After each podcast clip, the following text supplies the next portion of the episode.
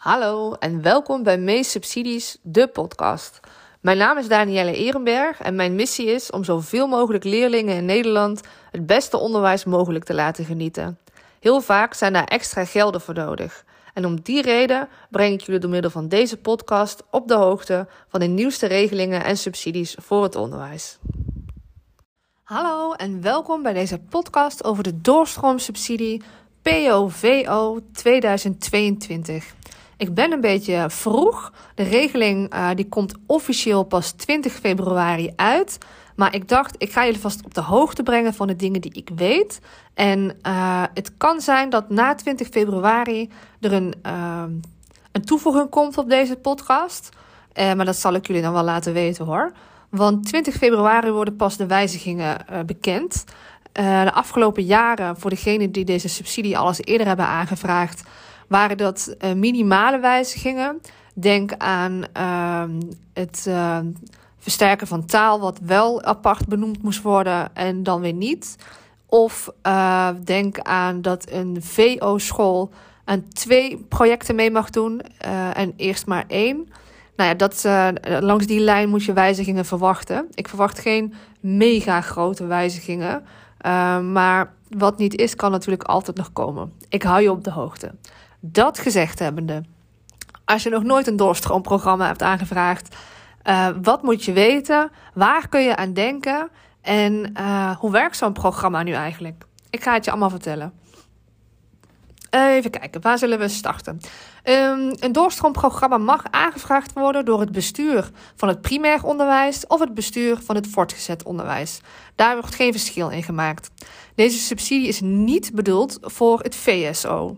Dus die zijn uitgesloten van deze subsidie. Doelgroep van uh, door middel van een. Deze subsidie is om ervoor te zorgen dat leerlingen een zachte landing krijgen op de middelbare school. Dat betekent dat uh, sommige leerlingen misschien uh, in een milieu op dit moment zich bevinden waar ze weinig gestimuleerd worden. Of misschien leerlingen van laag opgeleide ouders. Niet zeggen dat dat allemaal deze leerlingen zijn. Dat vind ik iets te kort door de bocht. Um, het zijn gewoon leerlingen die wat extra's nodig hebben om ook een zachte landing op de middelbare school te krijgen. En uh, daarvoor moeten vaardigheden of misschien wel kennis versterkt worden. En uh, waar je aan zou kunnen denken zijn de 21e eeuwse vaardigheden, maar ook aan, uh, aan vakinhoudelijke vaardigheden. Dat zou ook gewoon kunnen.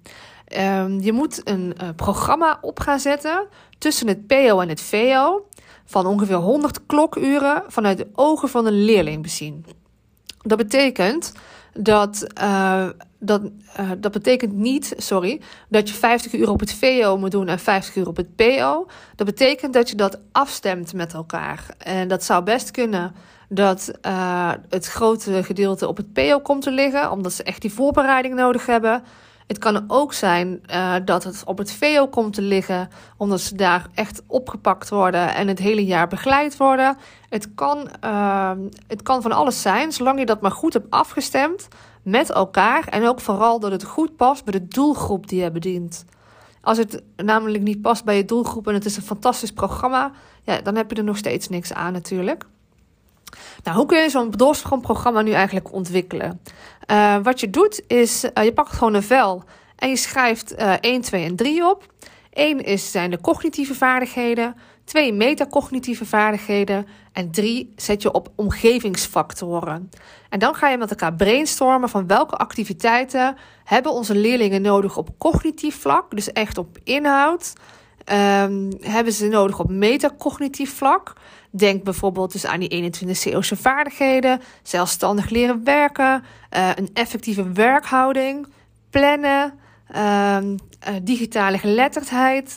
Allerlei uh, elementen die zouden, waarvan het zou kunnen zijn dat jouw doelgroep deze moet versterken om beter mee te komen op het voortgezet onderwijs.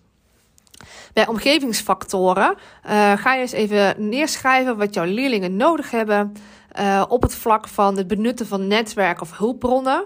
Uh, sommige leerlingen hebben nog niet uh, de vaardigheid Overigens op latere leeftijd ook vaak niet, maar dat zeiden.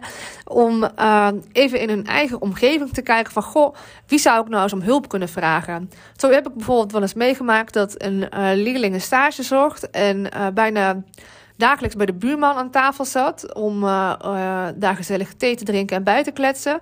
Maar het hier niet over had. En dat later bleek dat die buurman een hele goede functie bij Shell had. Waar die zo terecht had gekund. Uh, zomaar een voorbeeld. Maar zo zijn er wel meer voorbeelden.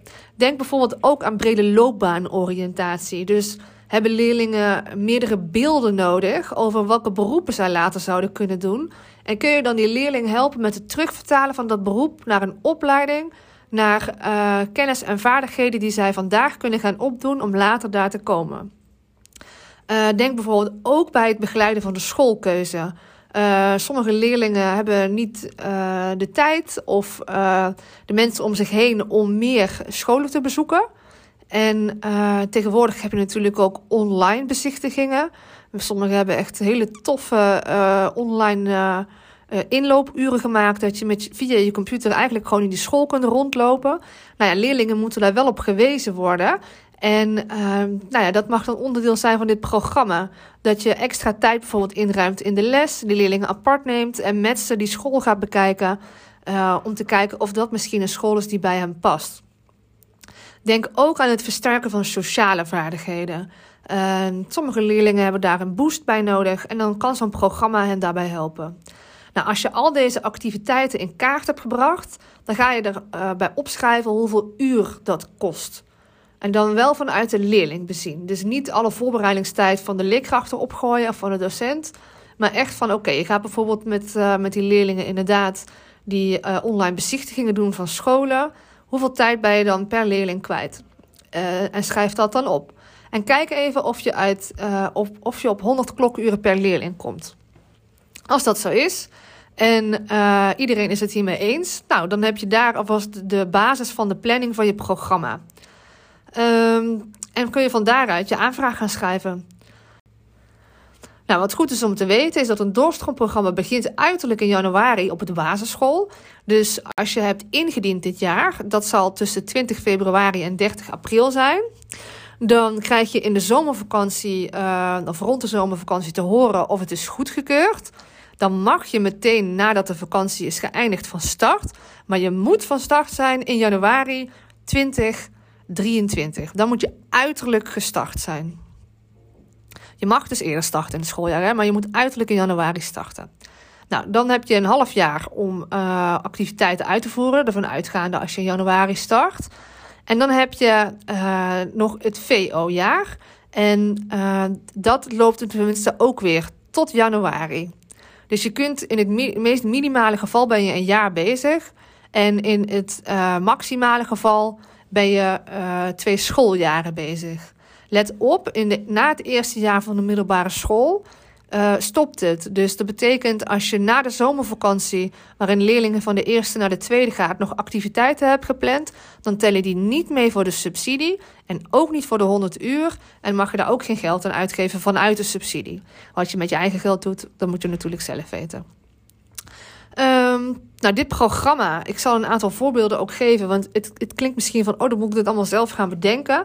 Er zijn natuurlijk ook um, uh, aanbieders die hierbij kunnen helpen. Zo heeft uh, Robotwise al een aantal jaar een heel succesvol programma voor leerlingen van het basisonderwijs en het middelbare onderwijs, die op 21e eeuwse vaardigheden geënt is.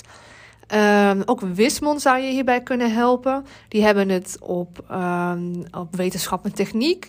Net zoals Junior IoT.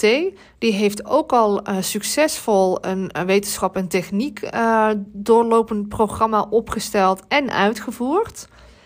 Um, dus je zou het ook rondom een thema kunnen doen. Is duurzaamheid bijvoorbeeld van belang bij jullie op school? Dan zou je het hele programma op kunnen hangen aan duurzaamheid. Zo wordt het namelijk niet een programma wat je er dan weer naast moet doen. Maar wordt het een programma wat je geïntegreerd kunt doen. Dus als de andere leerlingen bezig zijn met een programma, uh, met een project van duurzaamheid, dat je deze leerlingen even apart neemt en dan dit project gaat verder gaat uitvoeren en vormgeven.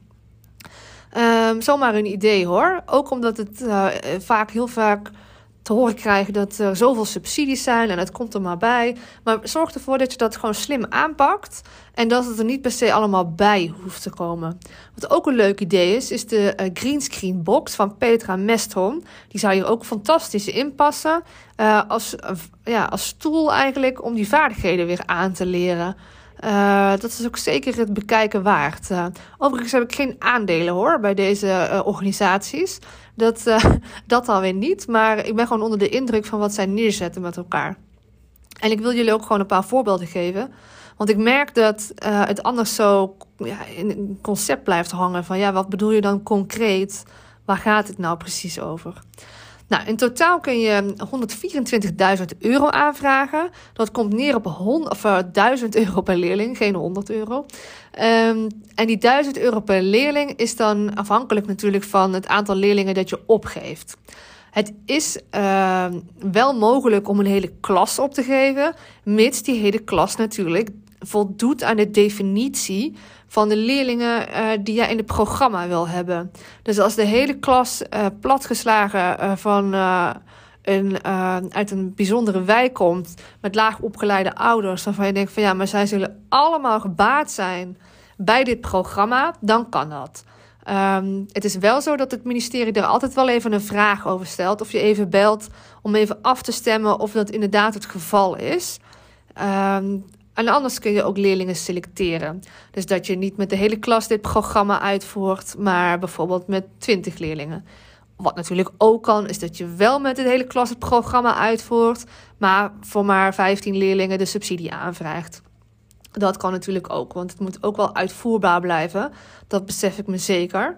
En uh, soms is het nou eenmaal zo dat het makkelijker is om het met de hele klas te doen dan om de klas weer te gaan splitsen. Vooral misschien ook in deze tijd. Dus denk daar even over na. Dat kan ook gewoon wel. Maar bij de verantwoording zorg je er dan voor dat, uh, dat alleen die 15 leerlingen natuurlijk in die verantwoording staan. En dat je, dat je niet aangeeft van ja, maar ik heb uh, niet betaald voor 15, maar voor 30 leerlingen. En dat je dat geld er dan ook uit de bot wil halen. Dat kan niet. Alleen voor die 15 kan dat. Nou, even denken hoor. Heb ik uh, nog iets te melden wat ontzettend van belang is voor jullie? Nou, wat trouwens ook goed is om te weten, is als je die aanvraag gaat indienen, dat je apart even beschrijft wat je doet om de ouders te betrekken. Het is voorwaardelijk dat je de ouders laat weten dat de, hun kind in het programma zit. Of je dat doet met een uh, brief of met een, een, bericht in het ouderportaal, dat mag jij weten.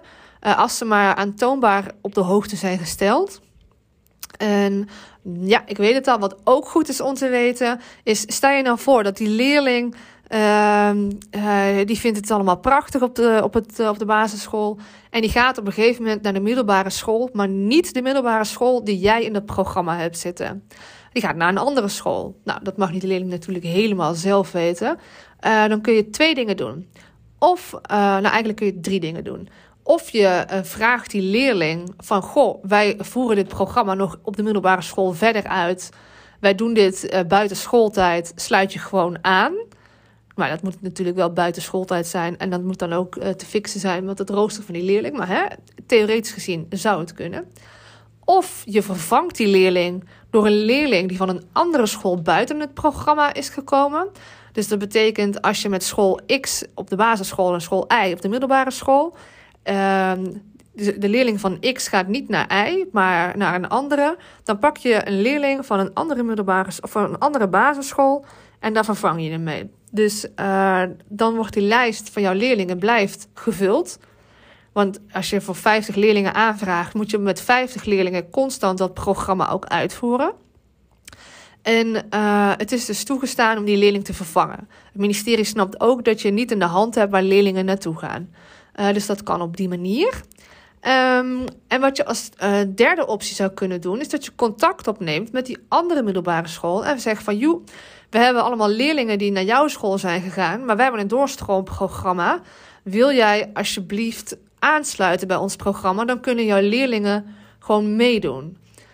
Dit klinkt als een hele toffe optie. is het ook. Alleen organisatorisch gezien is dit ook wel een lastige hoor.